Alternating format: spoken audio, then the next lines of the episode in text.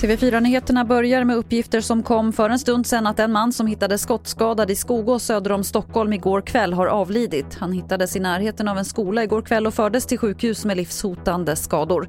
Polisen utreder det som mord men har inte gripit någon.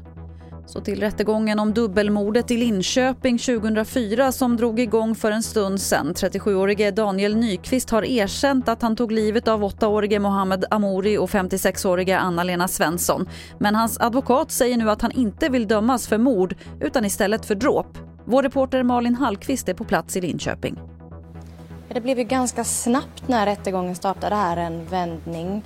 Det ska alltså handla om att han vid tillfället när det här dubbelmordet begicks så led han av en allvarlig psykisk störning, vilket han också gör idag. Och därför så vill han alltså dömas för dråp istället för mord. Och mer om rättegången finns på tv4play.se.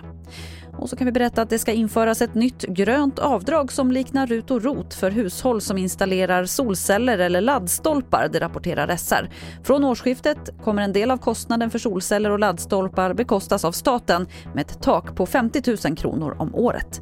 Det var det senaste från TV4 Nyheterna. Jag heter Lotta Wall.